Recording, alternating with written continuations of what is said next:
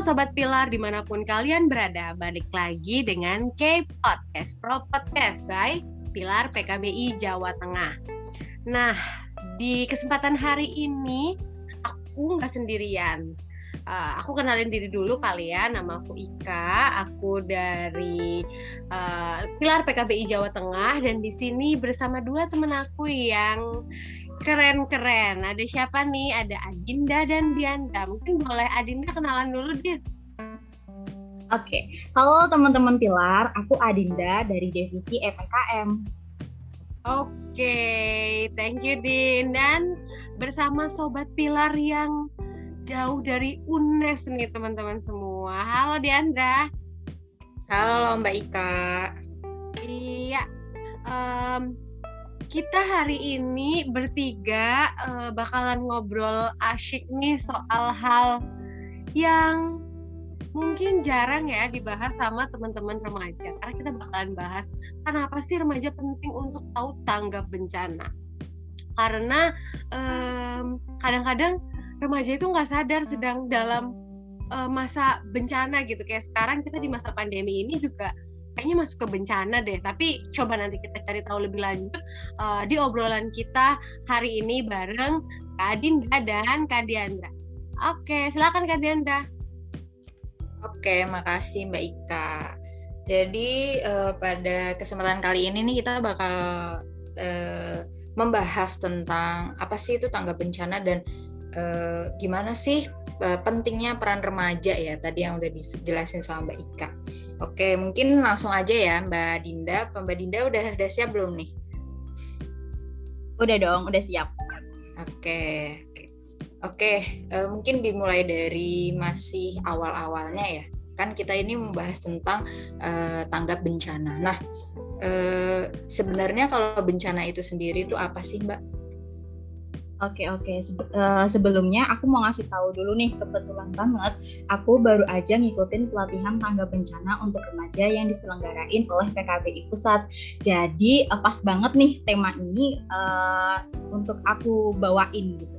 Nah sebenarnya apa sih itu bencana? Dilansir dalam uh, web resmi BNPB atau Badan Nasional Penanggulangan Bencana, bencana adalah peristiwa atau rangkaian peristiwa yang mengancam dan mengganggu kehidupan serta penghidupan masyarakat yang disebabkan baik oleh faktor alam, faktor non-alam, maupun faktor sosial, sehingga mengakibatkan timbulnya korban jiwa manusia, kerusakan lingkungan, kerugian harta benda, dan dampak psikologis. Nah, uh, perlu teman-teman ketahui ya, kalau misalkan bencana itu dibagi menjadi tiga kategori, yaitu bencana alam, bencana non-alam, dan bencana sosial. Bencana alam adalah bencana yang diakibatkan oleh peristiwa atau serangkaian peristiwa yang disebabkan oleh alam, tentunya ya, antara lain berupa gempa bumi, tsunami, gunung meletus, banjir, kekeringan, angin topan, dan tanah longsor. Lalu yang kedua ada bencana non alam. Bencana non alam adalah bencana yang diakibatkan oleh peristiwa atau serangkaian peristiwa non alam yang antara lain berupa gagal teknologi, gagal modernisasi, epidemi, dan wabah penyakit. Nah, seperti yang tadi dikatakan Mbak Ika, kalau kita ini sebenarnya uh, sedang mengalami bencana, yaitu bencana non alam, wabah penyakit COVID-19. Yang terakhir nih, ada bencana sosial. Bencana sosial adalah bencana yang diakibatkan oleh peristiwa atau serangkaian peristiwa yang diakibatkan oleh manusia yang meliputi konflik sosial antar kelompok atau antar komunitas masyarakat dan teror. Gitu nih Kak Diandra.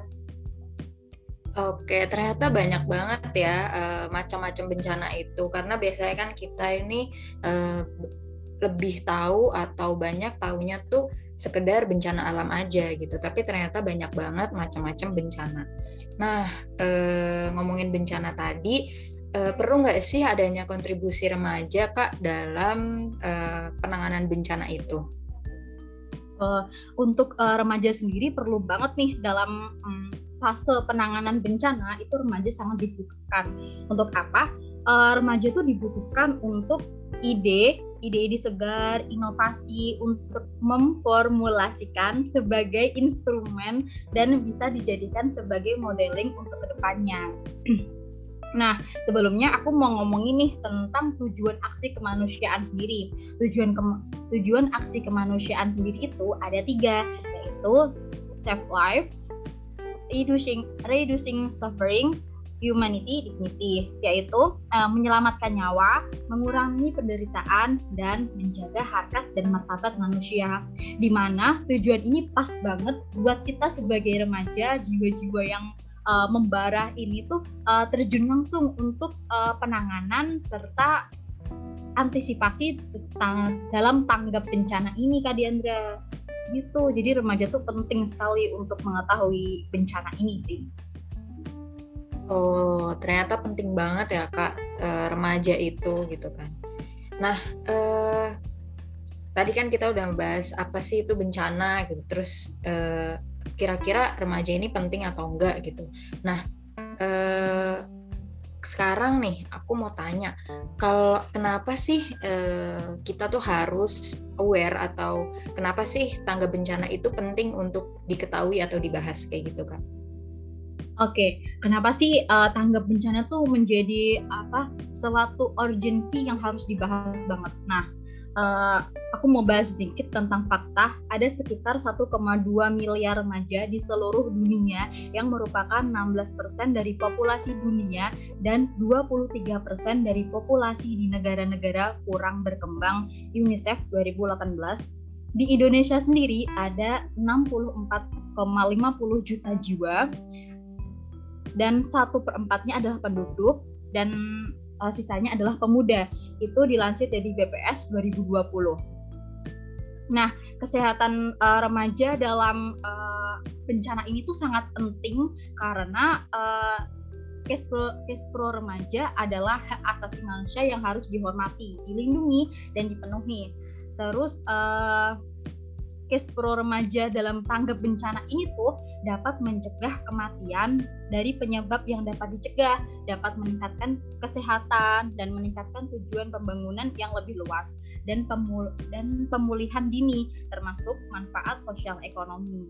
Terus kenapa sih uh, ini tuh penting banget buat di apa ya tanggap bencana tuh penting banget buat diomongin sekarang karena bencana itu kita nggak tahu datangnya kapan ya kak ya uh, mungkin besok atau bisa saja nanti. Seperti uh, wabah penyakit COVID-19 ini kita nggak pernah tahu nggak pernah mengira-ngira kalau ada suatu virus tuh yang seperti ini gitu yang bisa mengurung semua uh, manusia lapisan masyarakat di rumah masing-masing. Kita nggak pernah tahu. Jadi uh, itulah anti tanggap bencana yang diperlukan biar kita mempersiapkannya. Seperti itu itu sih Kak Diandra. Mungkin Kak Ika mau menambahkan tentang uh, pentingnya uh, tanggap bencana buat remaja. Iya, hmm, selain yang tadi kata Dinda sih, kalau aku bayanginnya kalau misalnya kita udah tahu nih tentang tangga bencana tuh gimana, jadi kalau misalnya parah-parahnya gitu ya, kita berada di dalam satu bencana, kita tahu nih kita harus ngapain dan kita bisa gercep gitu kan kalau remaja dinilainya punya energi yang besar dan uh, semangat yang tinggi gitu. Nah kalau misalnya di masa bencana ya ayo kita maksimalkan apa yang kita punya untuk bisa uh, membantu dalam recovery bencana itu. Kalau aku gitu sih kayaknya bayangan aku. Oke Kak Dinda dan Kak Ika. Berarti benar-benar uh, penting banget ya uh, untuk kita uh, terutama mungkin remaja karena di usianya yang masih muda kayak gitu kan dengan tenaga yang lebih gitu untuk uh, mengetahui itu pentingnya tanggap bencana. Nah, tanggap bencana sendiri ini tuh uh, punya fase-fasenya gitu. Nah, mungkin bisa dijelasin sama Mbak Dinda terkait fase-fase penanggulangan bencana. Oke, selain uh, kita tanggap dalam bencana, kita juga harus tahu nih uh, teman-teman pilar. Kita harus tahu apa aja sih fase-fase dalam penanganan tanggap bencana sendiri. Nah, fasenya itu ada tiga.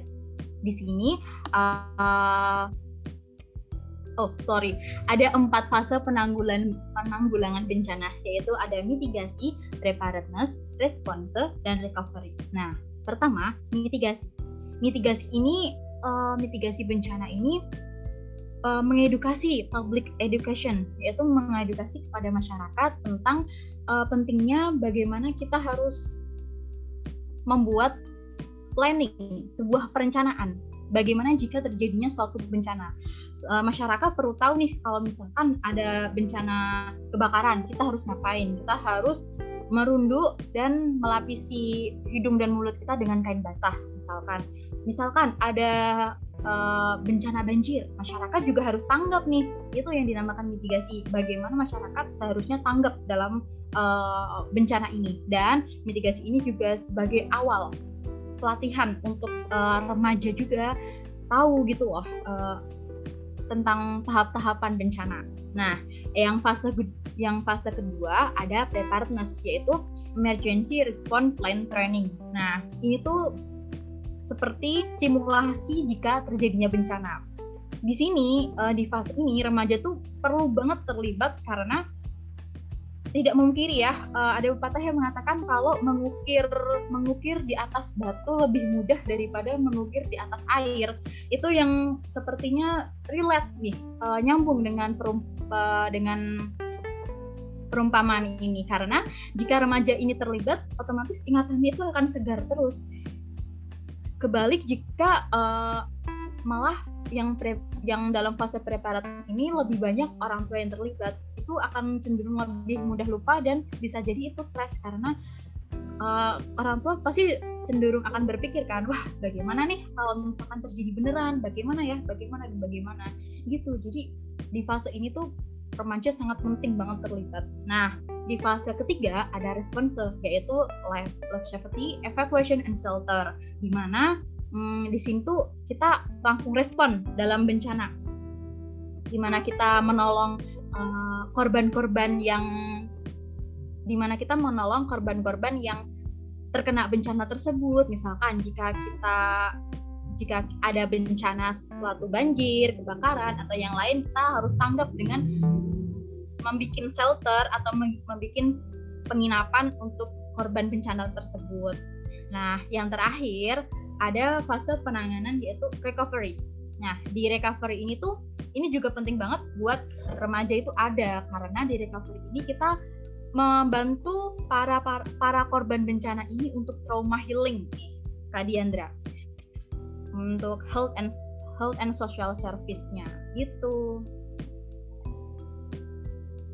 Oke, ya. Kak, ternyata banyak juga ya tahapan-tahapan penanggulangan itu.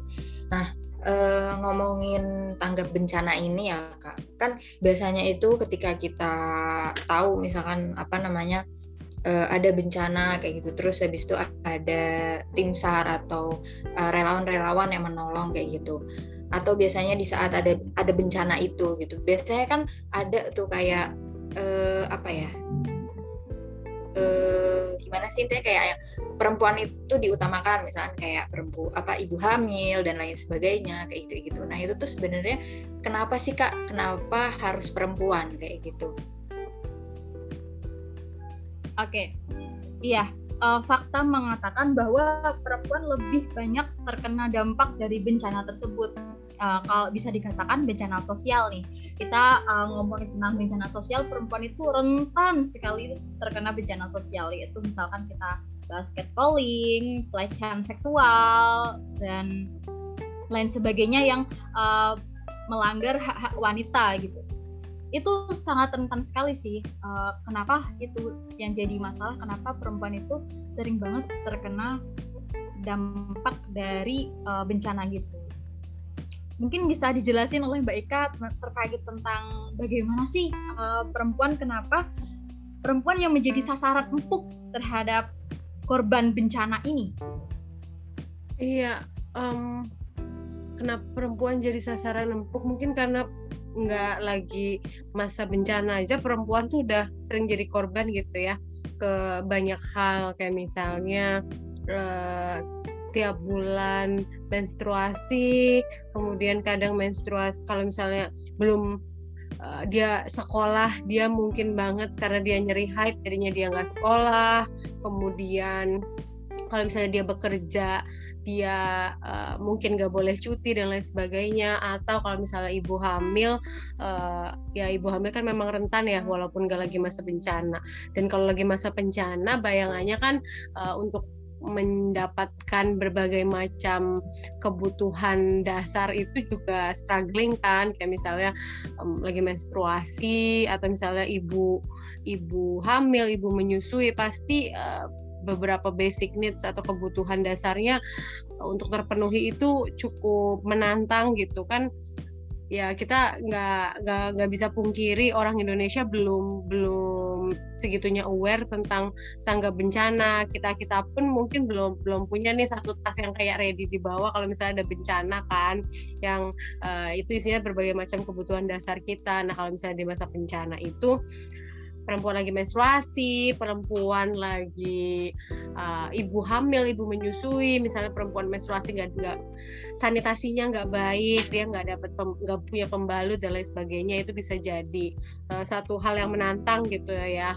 Terus juga kalau ibu hamil, ibu menyusui kan tentu saja uh, butuh ekstra uh, penjagaan dan juga kebutuhannya. Apalagi kalau ibu menyusui kan ya misalnya menyusui kalau misalnya dia menyusuinya nggak uh, langsung breastfeeding kan dia misalnya menggunakan dot sterilisasinya dan lain sebagainya kan itu uh, mungkin menjadi satu tantangan juga kalau di masa bencana. Dan kalau di masa bencana itu juga rentan banget terjadi uh, pelecehan atau kekerasan seksual. Uh, yang itu bisa banget terjadi mungkin nanti Adinda bisa ceritain lebih panjang kenapa itu bisa terjadi dan eh, hal-hal uh, yang dipelajari di pelatihan yang Adinda udah uh, ikuti sebelumnya. Tapi itu mungkin banget bisa terjadi. Orang nggak lagi pandemi aja lagi jalan santai di trotoar uhti assalamualaikum mata kayak cantik dan lain sebagainya kan kayak ah sedih apalagi di masa bencana ya udah uh, kebutuhan dasar tidak terpenuhi uh, semuanya tumpah ruah jadi satu itu pasti jadi tantangan banget sih. Sepertinya begitu Dinda dan Diandra. Iya, benar banget nih Mbak Ika. Uh, perempuan walaupun nggak ada bencana sekalipun tuh, uh, bahkan dia udah menjadi korban bencana uh, uh, duluan gitu misalkan uh, pemerkosaan dan bentuk-bentuk kekerasan seksual lainnya, adanya pernikahan dini dan pernikahan dini yang dipaksa, perdagangan manusia, kehamilan yang tidak diinginkan, aborsi yang tidak aman, pada kehamilan yang tidak diinginkan pula, terus adanya infeksi MS dan HIV itu perempuan sangat rentan dalam uh, mengalami hal-hal tersebut. Uh, jika berbicara mengenai kenapa ya perempuan itu um, menjadi sasaran empuk seperti itu sebenarnya tidak ada habisnya karena uh, diskusi ini akan sangat panjang nih Mbak Ika kalau kita teruskan yang tidak tahu yang disalahkan itu harus perempuannya kah atau pihak laki-lakinya kah atau bahkan keduanya yang salah ini menarik banget untuk dibicarakan selanjutnya sih Mbak Ika. Oke, okay. Berarti tadi benar-benar penjelasan yang sangat apa ya insightful banget ya kenapa perempuan itu apa rentan rentan dalam kebencanaan, entah itu bencana alam atau bencana uh, non alam dan sosial kayak gitu. Nah, uh, tadi yang udah disebutin sama Mbak Dinda terkait apa uh, perempuan itu nggak cuman apa ya rentannya tuh nggak cuman di saat bencana alam. Tadi kan ada pemerkosaan terus ada ya yang simpel-simpel semacam kayak catcalling dan lain sebagainya kayak gitu gitu. Nah pasti kan uh, apa ya ketika perempuan itu akhirnya mendapatkan bencana itu banyak perempuan yang uh, memilih untuk tidak apa ya tidak menyuarakan hal tersebut kayak gitu. Padahal uh, itu kan sebenarnya suatu hal yang salah ya bisa masuk uh, apa pelanggaran pidana semacamnya. Nah tapi uh, banyak yang akhirnya memilih untuk tidak menyuarakannya karena biasanya malah dipandang uh, sebagai apa perempuan sebagai korbannya tuh malah dipandang negatif kayak gitu kan. Dan bisa jadi malah disalahkan kayak gitu. Kayak tadi uh, mungkin ada apa salah di pakaian kitanya atau salah di perilaku kitanya kayak gitu. Nah kira-kira kalau dari Pilar sendiri ada nggak sih Mbak atau ada nggak sih Kak uh, wadah untuk bagi para perempuan gitu yang mengalami bencana itu untuk berbagi atau untuk apa mencurahkan apa uh, keresahannya itu tanpa harus merasa nantinya dihakimi atau dipandang sebelah mata dan lain sebagainya kayak gitu Kak. Iya, uh, Pilar menyediakan wadah untuk teman-teman sebaya untuk sambat ya untuk menceritakan keluh kesahnya dan terjamin aman privasinya terjamin sangat-sangat terjamin. Gitu sih. Ada tambahan baik mungkin uh, ada kegiatan apalagi nih di Pilar untuk remaja tentunya kalau misalnya untuk teman-teman remaja yang sedang sedang dalam bencana mungkin pilar biasanya ter, tergabung di dalam untuk dukungan psikososial gitu ya kepada teman-teman remaja. Cuma kalau pilar-pilar secara organisasi sendiri kita uh, selain yang tadi Dinda uh, share juga kita ada layanan uh, sobat sambat yang tadi Dinda udah bilang itu layanan konseling online maupun offline yang tersedia dengan konselor sebaya dan itu gratis diakses untuk teman-teman remaja di uh, Jawa Tengah Lalu eh, kegiatan-kegiatan uh, lainnya sih mungkin kalau misalnya di Pilar kita kan aktif untuk memberikan informasi, edukasi dan juga uh, layanan kesehatan uh, yang ramah remaja bagi teman-teman remaja. Kita juga memberdayakan teman-teman remaja dan juga melakukan mini survei yang uh, kita uh, gunakan untuk bahan-bahan advokasi. Nah, harapannya sih kegiatan-kegiatan Pilar ini bisa jadi satu wadah yang baik nih buat teman-teman yang sekarang uh, sedang mencari tahu lebih lanjut tangga bencana itu apa atau pengen lebih berkontribusi untuk masyarakat harapannya Pilar bisa jadi satu wadah uh, tempat belajar dan berbagi teman-teman. Itu aja dari aku. Oke ternyata uh, banyak maksud uh, apa ya di pilar ini nggak cuman bisa jadi wadah dalam kita men mencurahkan isi hati melalui konseling sebaya ya, tapi ternyata banyak juga apa namanya program-program yang bisa teman-teman ikuti. Jadi buat teman-teman semua eh, kalau misalkan ngerasa bingung eh, pengen cerita atau pengen apa ya mencurahkan keluh kesah atau terkait bencana tadi gitu kan tapi nggak tahu harus ke mana gitu kan itu bisa banget ke pilar uh, melalui konseling sebaya tadi ya Oke, Mbak Ika dan Mbak Dinda, nih uh, kayak bahasan kita ini udah selesai nih gitu. Mungkin dari Mbak Ika atau Mbak Dinda mau memulai untuk memberikan closing statement atau mau gimana nih Mbak Ika? Boleh Dinda dulu nih, kayaknya Dinda banyak nih yang mau diceritain, yang mau diungkapkan uh, dan diingatkan buat teman-teman remaja, sahabat pilar semuanya. Oke, dari aku seperti yang tadi aku katakan, kalau tanggap bencana itu penting banget buat remaja, buat remaja tuh tahu tentang bagaimana sih cara fase-fase step by stepnya untuk penanganan penanganan bencana sendiri. Karena apa? Uh, melibatkan remaja sebagai responden pertama, terus supervisi dan pendampingan relawan muda.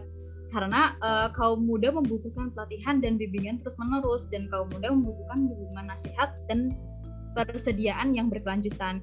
Nah, di sini tuh di pilar uh, memberikan wadah tersebut.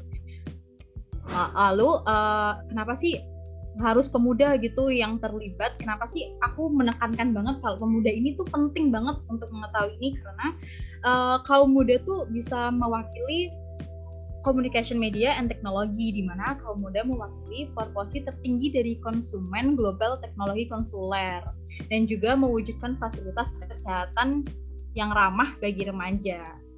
Kalau misalkan fase kesehatan yang ramah bagi remaja, otomatis uh, yang melayaninya adalah remaja biar kita merasa seperti curhat gitu.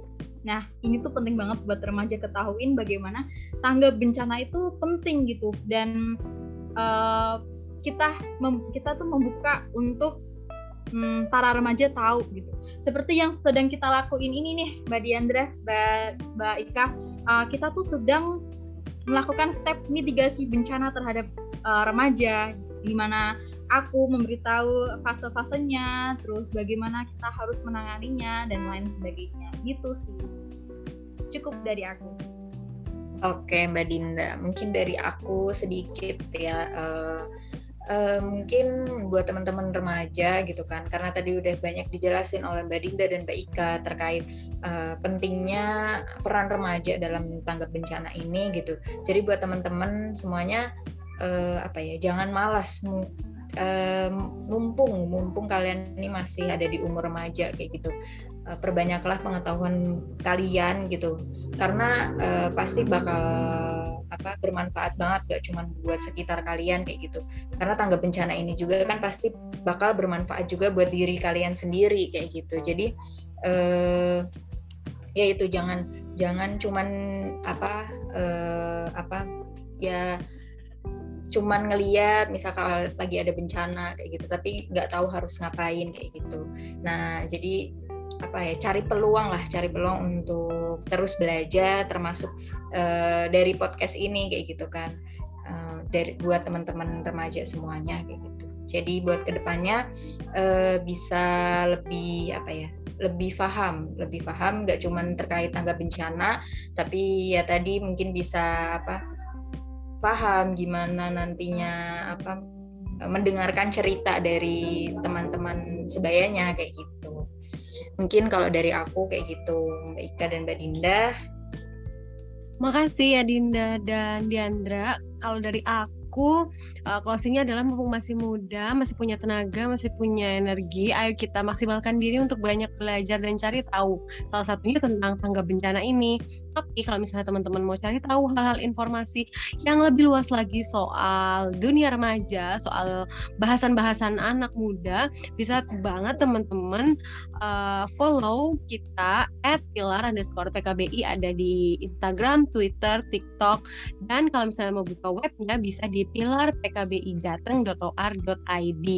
Nah, kalau misalnya teman-teman ternyata sekarang lagi mengalami bencana-bencana kecil nih yang bingung mau cerita ke siapa, boleh banget uh, juga akses layanan konseling ramah remaja Pilar, layanan Sobat Sambat, teman-teman bisa aja langsung klik link yang ada di bio Instagram kita, atau teman-teman juga bisa WhatsApp ke 0822 4268 9694 itu aja dari kita semua sih. Um, semoga uh, diskusi kita hari ini banyak manfaatnya dan kami mohon maaf kalau misalnya ada beberapa informasi atau beberapa perkataan yang kurang sesuai. Gitu aja dari kita. Sampai ketemu di K-pop selanjutnya. Dadah.